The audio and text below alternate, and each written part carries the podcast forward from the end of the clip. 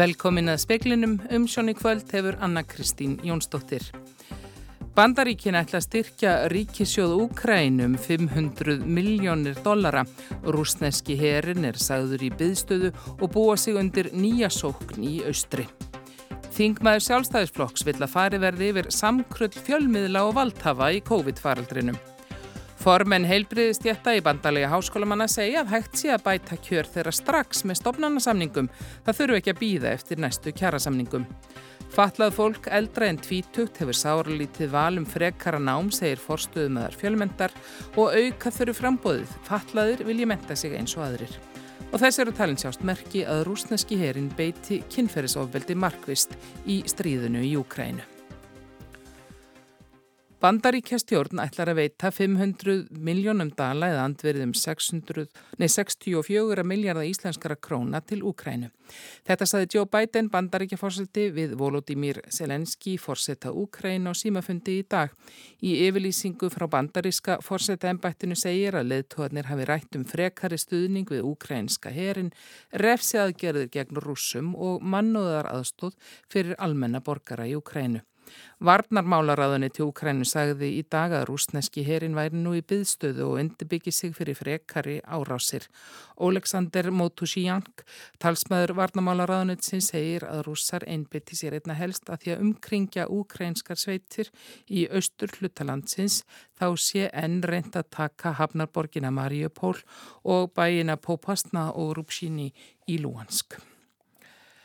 Bresk stjórnvöld hafa tilkynnt um nýja lögjöf sem á að koma í vekk fyrir að rúsneskir ólíkarkar sæki þjónustu fyrir flugvélar og skip þarlendis.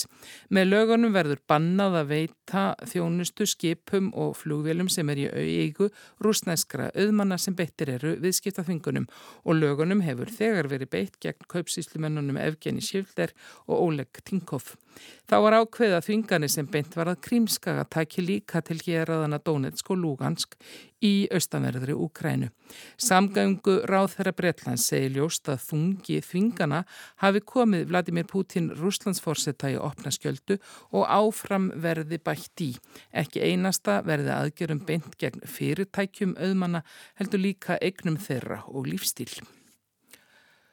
Arnar Þór Jónsson, þingmaður sjálfstæðiflokksins, hefur áhyggjur af því að fjölmiðlar hafi farið í áráðusherferð á tímum COVID-faraldursins. Hann vill að skipuð verið nefnd til að fara yfir samkrull, valdhafa og fjölmiðla, en þetta kom fram í sérstakri umræðum umhverfi fjölmiðla á alþing í dag. Og greini hér ákveðin samhljóm meðal þingmana sem að bendi til þess að daga ríkisútafsins í núverandi mynd hljóti nú að stittast. Það er samhljómur um það að það sé mikilvægt að draga úr umsvifum Ríkisútvarpsins og skapa þannig eh, rými fyrir frjálsa fjölmiðla á því sviði. Arnar Þór sagði það ekki hlutverk fjölmiðla að veita almenningi aðhald heldur valdhöfum og telur þetta við riðlast í faraldrin. Ég hef áhugjur af því að hér hafi verið farið í áráðus herrferð í nafni gaggrínu hugsunar sem að mörguleiti hefur grafið undan gaggrínu hugsun þegar fólki er sagt hverju það eigi að trúa og hverju ekki og svo margt af því sem að sagt hefur verið á undanförnum tveimur árum hefur komið í ljós að er ekki rétt. Þannig að ég get upplýst það hér að á þingflokksfundi og sjálfstæðisflokknum áðan lagði ég til að uh, það erði lögð fram þingsályktuna til það sem ég ætla að býð mig fram til að skrifa það sem lagt verið til að ráð þeirra skipi nefnd til að fara yfir það sem hér hefur farið úrskeiðis í fjölmiðlun og samkrulli valdhafa og fjölmiðla á síðustu tveimur árum. Sagði Arnar Þór Jónsson. Formenn heilbriðistjætta í bandalagi háskólamanna segja ekki þurfa að býða næstu kjærasamninga til að bæta kjör stjættana. Hægt sé að gera það strax með stopnarnasamningum. Í skýslur ágjæðfyrirtækisins McKinsey segir að eftir 18 ár verði þörf á helmingi fleiri legurímum en gert er ráð fyrir á nýjum landsbítala. Það kallar á að fjölga þurfi starfsfólki um 36%. Helbreyðisaraðra sagðist í frettum í vikunni treysta á hagstaða kjærasamninga. Við fagnum uh, ummalum uh, ráð þeirra og væntum þess að hann sé að segja þetta jákvæðum nótum. Segir Alda Marget Högstóttir formaður félags lífendafræðinga. Þið þurfu ekki að býja eftir kjærasamningum?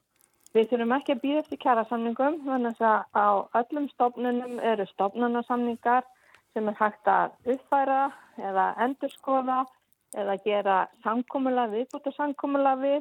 Þannig að þetta, það má bara bregða strax við, mikillir þörf og neyð og koma strax inn. Helbreyðistettir kalla eftir aðkomu ríkisins að stopnarnarsamningum svo und sé að leiðrætta og bæta launasetningu og starfsþróun helbreyðistarsfólks. Og það gerum við inn á stopnunum sjálfu. En það þarf fjármakt frá ríkinu til þess að mæta því. En um, hefur þið einhverja trú á því að, að einhver breyting verði á þessu? Nú hafið þið verið að glíma og berjast í, í longa tíma. Eh, við værum ekki á þessu stað nema við höfum trú á að breytinga geta orðið. Og þá viljum við endilega fá þetta samtal þar sem við komum saman og finnum leiðir. Af því það skiptir máli, hún er þannig, en bara ræða saman og byrja strax. Sæði Alda Margret Högstóttir, Arnar Björnsson tók saman. Ung kona með ódæmigerða einhverfu og ADHD hefur ekki átt kost á að því að læra sagfræði eins og hana dreymir um. Það er ekki bóði fyrir fólk með föllun. Helga Gísladóttir, forstuðmaður fjölmendar, segir að fólki standi fáttilbóða, diplómanám á mentavísindasviði Háskóli Íslands í myndlistarskóla Reykjavíkur og námskeið hjá fjölmend. Þegar fólk nátt 20 ára aldri að þá eru ekki margi möguleikar. Þannig að það vantar mun meira af e, bara alls konar námi. Þau auðvitað vil falla fólk menta sig eftir tvítut eins og við öll. Lára Þorsteinsdóttir er í diplómanámi í Háskóla Íslands en hefði sjálf kosið að læra sögu. Ég fekk nefnilega tíu í sögu í mentaskóla. En er það ekkit í bóði eða hvað? Nei, því að ég, því ég er sko með ódæmingjörða einhverfu og ADHD og ég var sko í mentaskóla á svona sérbraut fyrir krakka með sérþarfir. Segir Lára í samtali við Haug Holm. Í diplomanáminu læri hún að vinna í leikskóla, bókasafni eða frístundaheimili en saga standi hjarta hennar nær. Ég elskar sögu og hefði mér langar svo mikið meira að læra sögu. En er það ekki eitthvað sem þarf þá bara að breyta að það sé að, það sé að læra hvað sem er? Jú, sérstaklega fyrir krekki sem eru með svona fellin og svona.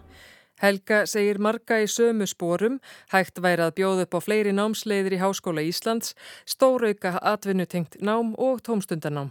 Undarfærin ár að þá er bara svo sjálfsagt að menta sig og það þarf bara stór auka líka möguleika þessa hóps eins og allra annara. Mér dettur í huga að læra eitthvað, þá hef ég marga möguleika en þeir eru sára litlir hjá þessum hópi.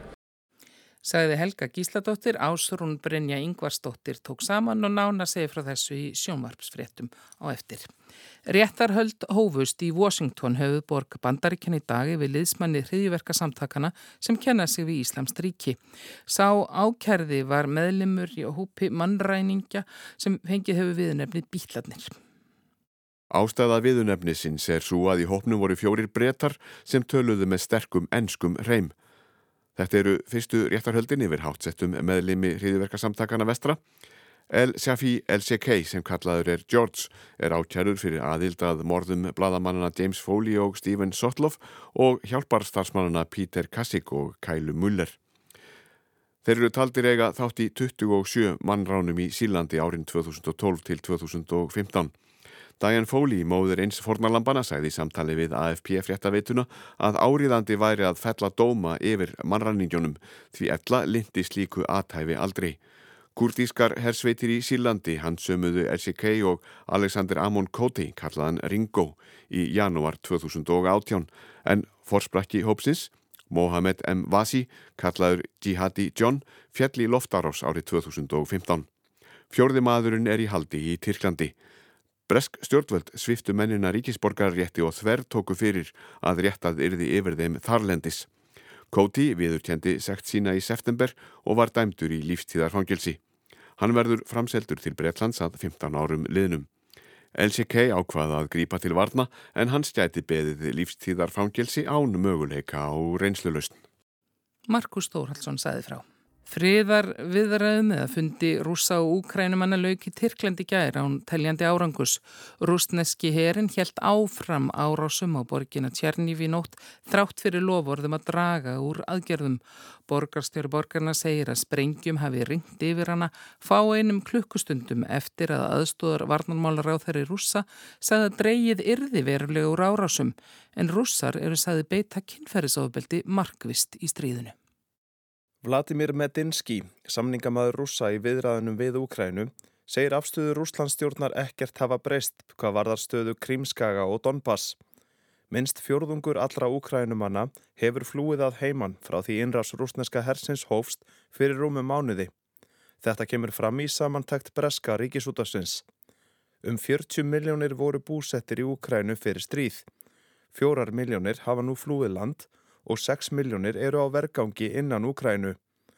Ásakanir og víspenningar hafa komið fram um að rúsneskir hermenn beiti konur og stúlkur kynferðisofbeldi í stríðinu í Úkrænu. Sífælt fleiri frásagnir berast um slíkt ofbeldi og ríkissaksóknar í Úkrænu hóf nýverið rannsókn á þessu. Utaríkisráð þeirra Úkrænu, Dimitró Kuleba, hefur meðal annars sakað rúsneska hermennum nöðganir. Engar staðfestar sannanir hafa komið fram en í ljósi sögunar er talið að þetta sé eitt af vopnum rúsneska hersins. Kinnferðsofbeldi er oft notað sem vopni í stríðsátökum og hættir við því að stríðið í Ukrænu sé engin undantekning. Þeir sem fremja kinnferðisbrott nýta sér oft neyð, ringulreið og óöld sem fylgir stríði en einnig eru vísbendingar um að nöðgunum sé beitt til að ebla samstöðu innan herdelda. Nokkrar vísbendingar eru um þetta eins og rakið er í grein eftir Ester Hallstóttir meistaranema í Harvard Háskóla sem byrt var á dögunum í The Washington Post. Ester hefur aðstofað profesor við Harvard Háskóla sem stundar rannsóknir á kynferðis ofbeldi í stríðsátökum.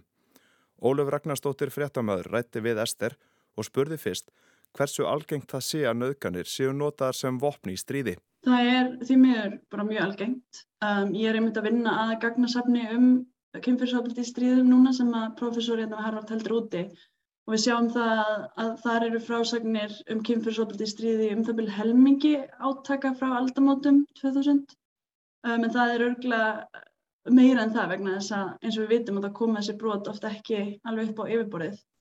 Um, en það er samt ekki þannig að það sé óhjákvæmilegu hluti af stríðum. Það er ekki viðtækar frásagnir af kynfyrirsbrotum í öllum stríðum og meira sé innan tiltekina stríða þá er það kannski þannig að sumar hersveitir eða hópar beita kynfyrsofaldi aðrir ekki. Þannig að, að þetta er ekki óhjákvæmilegt. Og, og við sjáum það líka sem eru kannski góðfréttinar í þessu að síðustu 20 ár þá hefur frásögnum af kynfyrsofaldi stríði uh, farið fækkandi. Og það er drefið áfram af sagt, fækkun uh, frásögna af kynfyrsofaldi frá ríkisherum um, en hefur haldist frekar svona jamt fyrir uppreysnarhópa. Rannsóknir benda til þess að það beri árangur að, að tala um og segja frá kynfyrirsofildi og það geti leitt til þess að lönd sagt, beiti minni kynfyrirsofildi eða mannarsinda brotum. Þannig að það er kannski þannig að þessi þrýstingur sem hefur verið að aukast síðustu ár og þessu aukningi að tala um þetta vandamál sé jafnvel að bera árangur og að þrýsta á ríki að, að minga þetta. Nokkrar tilgátur og skýringar hafi verið settar fram um það hvers vegna kynferðsofbeldi er beitt sérstaklega í stríðsátökum. Um, en með það sem að, að fólk hefur sett fram er alltaf bara þessi kannski hefnda skýring um tækifærsmennsku að það er ekki kannski líklegt að sér dreyndla ábyrðar í stríðum þegar lög og regla eru ekki til staðar. Um, aðrir hafa bent á að þetta sé kannski komið sem skipuna ofan sem einhvers konar strategía í stríðum um, en það er endur ekki algengt að við sjáum vísbynningar um það. Um, og svo hafa líka verið rannsóknir um að sagt, svona lítil liðseining eða lítil eining og tröst meðal herra eða hópa geti auki líkurnar á kynfyrsókvöldi stríðum og, og þá er sagt, skýringin svo að, að í raun og veru, og þetta er kannski svona skrítið að segja en um, að kynfyrirsofbildi sérstaklega framið í hópum geti haft jákvæð áhrif á einingu innan liðseldina að það einhvers konar, myndi einhvers konar félagsli tengsl millir fólks. Um, og fólk sé þá jafnvel að taka þátt vegna þrýstings frá hópnum eða, eða til þess að reyna að passa inn. Og þetta er eitthvað sem við sjáum vísbendingur um að eiga sér stundu stað. Og þetta er eitthvað sem við höfum miklar áhugjur af í Rúslandi vegna þess að það eru sterkar vísbendingur um litla liðseiningu og, og traust innan herrdeldina þar og hérna, þannig að þetta er bara mikið hættumerki í því, í því stríði. Er líklegt að nauðgarnir hafi verið og séu notaður í stríðinu í Ukrænu? Já, við höfum verið að heyra mjög margar frásagnir um kynfyrsofbildi núna í stríðin í Ukrænu og þeim er alltaf að fjölga núna eftir því sem að uh, líður áfram og við, höfum, við sáum fyrst bara fyrir ennast í mánuð síðan núna auðvaríkisráð þeirra Ukrænu benda á að það væru nöðganir að eiga sér stað en hendur rúsneska hersins. Þingmenn hafa stíð fram og sagt það sama og núna hefur ríkisaksóknar í Ukrænu uh, rannsaka fyrstu nöðgununa, þess að fyrsta, fyrstu nöðgununa sem þau rannsaka. Og við erum að sjá frásagnir líka koma fram. Núna eru náttúrulega ákveðin svæði innan Úkrænu sem við hefum ekki verið að fá mikla fréttir af vegna þess að það hefur ekki verið mikið tengslu um heiminn og svo núna kannski þegar því léttir vonandi að þá kannski fá við fleiri frásagnir þannig að við vitum þetta ekki ennþá það er mjög líklegt að það sé kynfyrsofildi eiga sér stað, við vitum ekki hversu viðtakt það er en það er ákveðin merki um að sé tilefni til að hafa miklar ágjör af stöðunni Í grein esterar eru rakin nokkur atriði sem eru vísbendingar um að rússar beiti þessu vopni í stríðinu. Skortur á samstöðu meðal Hermanna rússa er eitt af þessum atriðum. Annað atriði er svo sagan. Við sjáum það að, verið, að þau hafa verið að, að hérna, beita ítrekka kynfyrsafaldi í stríðum undanfærin ár, meðal annars í austurluta Úkrænu, í stríðinu sem hefur geisað þar síðastlegin ár. Og, og í því sammingi hefur það aðalega verið gagvart fólki sem þau hafa tekið til fanga í ofinberum eða óofinberum fangabúðum og gagvarsins bæði konum og körlum. Ég má ekki gleyma því að karlar eru mjög oft líka fórnarlöfum kynfyrsofbildis í stríðum um, og rjúsneski herin hefur líka beitt kynfyrsofbildi í öðrum stríðum um, undanfærin ár, til dæmis í uh, Tjetjeníu og, og víðar. Um, annað hættumerki er hvernig Putin og fleiri hafa verið að tala um Úkrænu, en við sjáum það að svona niðurlægandi eða, eða kynfyrirslegt tungutak hefur áður uh, verið fyrirbóði kynfyrsofbildis, til dæmis í Rúanda, sáum það þar, og hann hefur Putin til að mynda verið að vísa í svona nöðgunabrandara og, og niðurlændu um, ummæli um, og vísa því til Selenski, fórsetta Ukrænu meðal annars og, og talaði um að Ukræna sé ekki land eða skorti menningu og svo framvegis, þannig að það er, það er ekki gott merki í þessu samhengi. Um, annað sem er hægt að nefna er að rúsneski herin hefur að taka til sín hermenn annar stað frá, meðal annars frá Sýrlandi og, um, og það er áhengefni vegna þess að bæði getur það alltaf haft neikvæð áhrif á einingu og eins og við töluðum um áðan að þá hérna, hefur lítil liðs heilt uh, oft aukin, eigur líkurnar á kynfyrsofaldum í stríðum en líka vegna þess að þetta eru herminn frá Sýrlandi sem við vitum að hafa beitt kynfyrirsofbildi í stríðin í Sýrlandi undarfæra nár. Um, þannig að þetta er svona meðal þeirra helstu hættumerkja sem við erum að sjá. Sagði Ester Hallstóttir í viðtali við Ólöfu Ragnarstóttur, Bjarni Rúnarsson tók saman.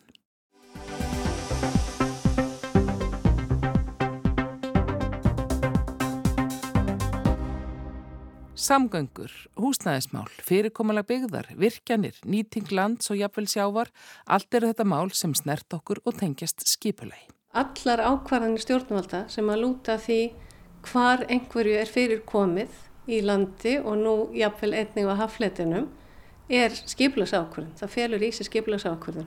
Þannig að, að þó svo að við höfum líka stjórnvöld og stefnur og áætlanir um til dæmis orkumál eða húsnæðismál, samgöngur og svo framvegis að, að þá kemur alltaf að því að það þarf að máta saman þessar stefnur sem eru til um, um ólíka málaflokka þegar kemur að ákvörninu um á að byggja svona á þessum stað á að byggja virkun hér eða, eða nýja íbúðabygg þarna þannig að, að það, er, það er þannig skipulasmálin eru svolítið allt um faðmandi hvað um varðandi allt þetta sem við þurfum að staðsitja einhver staðar í veröldinni segir Ástís Lökk Teodórsdóttir forstjóri skipilagstofnunar. En hver ræður og hefur úrslita valdi í þessum málum?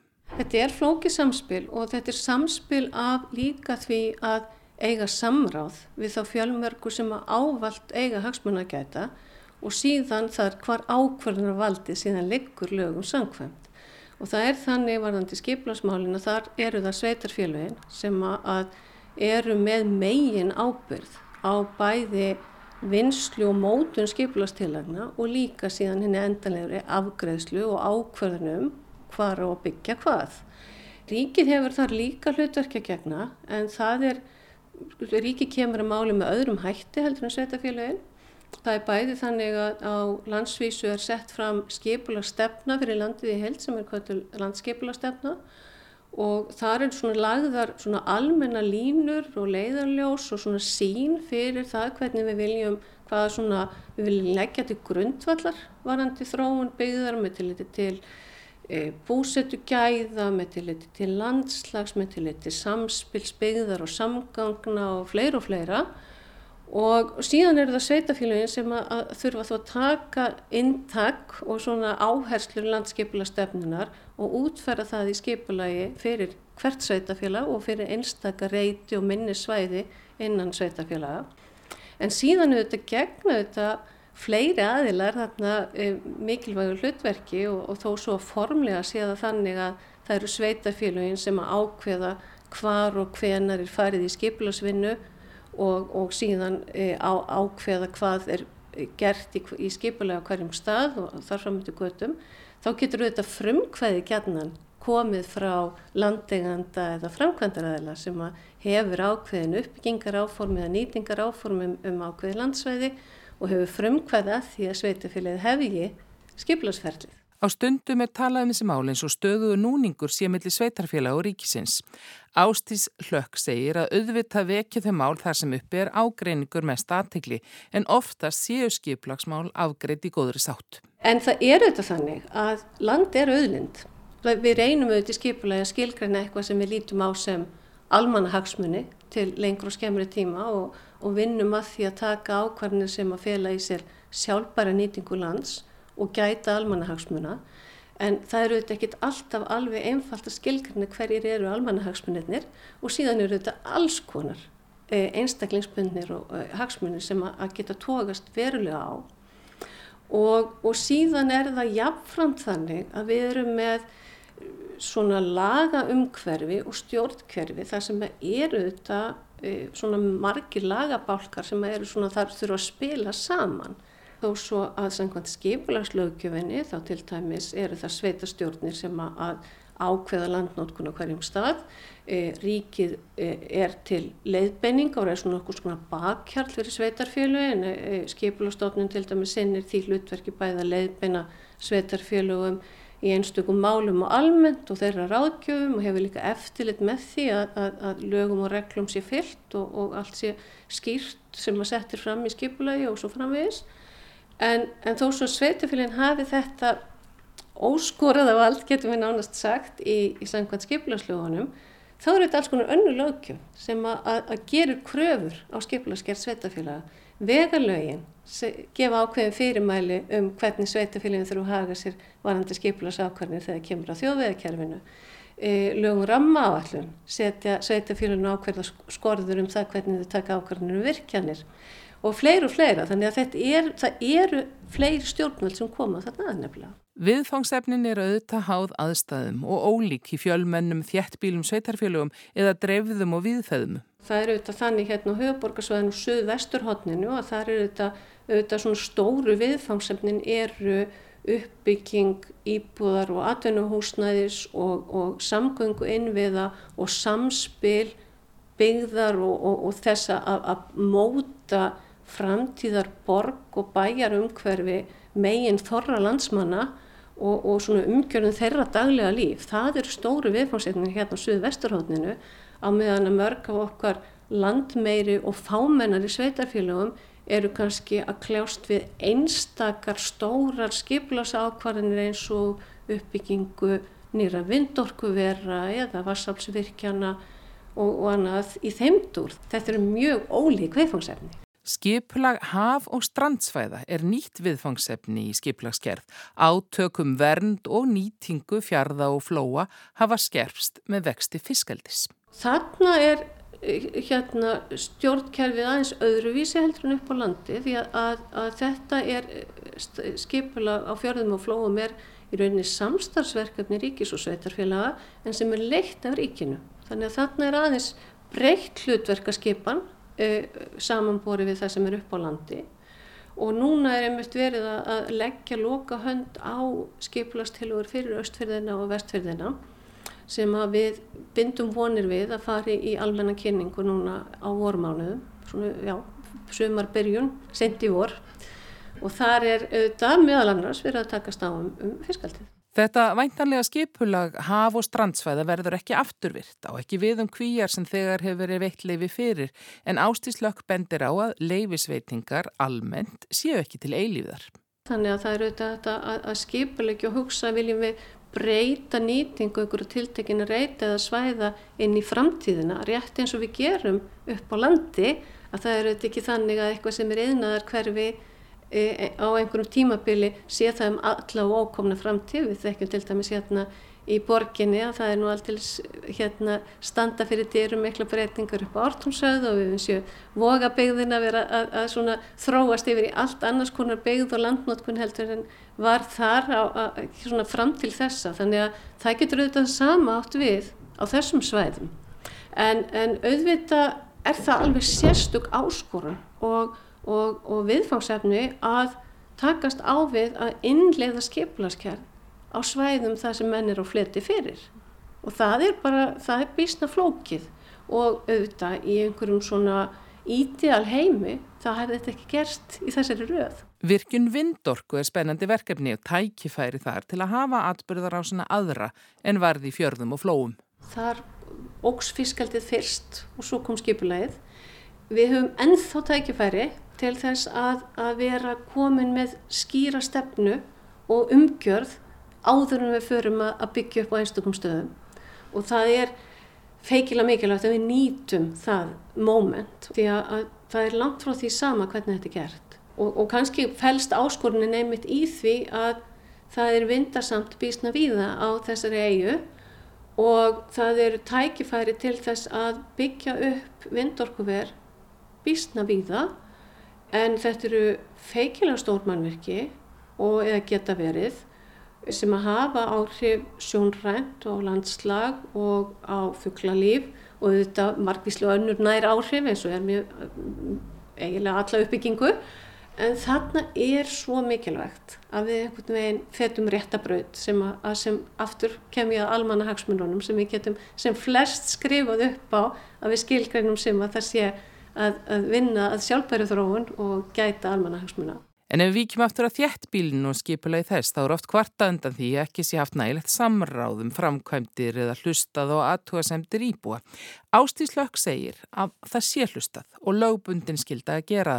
Það sé mitt skipulagstofnunar að veita sveitarfélögum aðhald en það þurfi ofta að máta saman margvíslega hagsmunni. Ef við svona því fyrir okkur, þá held ég að við getum flest hver skiluðu átt okkur á að það eru margvíslega gæði sem að við skilgrænum sem hluta af okkar um, lífsumgjör hérna á höfborgarsæðinu væru ekki til og felast í því að við búum þétt og við sættum okkur við háaða og ákveðu ónæði og hitt og þetta sem við verðum að sætta okkur við að því að öðruvísi fáum ekki gæði borgarinnar. Aðspurð um skipulags slis segir Ástíslökka sér sé meinitlega við það orð flest sem að e, eru mentuð í, í skipilasmálum og störfum við skipilasmál á okkar tímum lítum til til dæmis svona þess tíma þegar að mótenismin í skipulagi var hvað mest í hávegum hafður þá er ég að tala um tímabilið um og eftir miðja 20. stöld þegar það er farið hvað svona frekast fram í að byggja mikla innviði fyrir yngabílaumferð aðskilja íbúðabyggð frá verslunar og atvinnusvæðum, að verða þessar löngu fjarlæðir, verðum svo mikið háð engabílnum og, og, og bara því miður ófarsæl dæmi um, um uppbyggingu, aðgreiningu félagshópa, þannig að verða til svona, svona gett og væðing sem af þessu leiðir meðal annars. Við getum alveg sagt núna, verið hofmóðu og sagt þetta er alls konar skipularslis en þetta voru kannski algjörlega skinsanlegur og réttar ákvarðinir séðar á þeim tíma. Þannig að þetta er alltaf háð samhengi. sagði Ástís Hlökk Teodósdóttir forstjóri skipulagsstofnunar. En fleir er ekki í speklinum í kvöld, tæknum aður í útsendingu var Magnús Þorstein Magnússon, veriði sæl.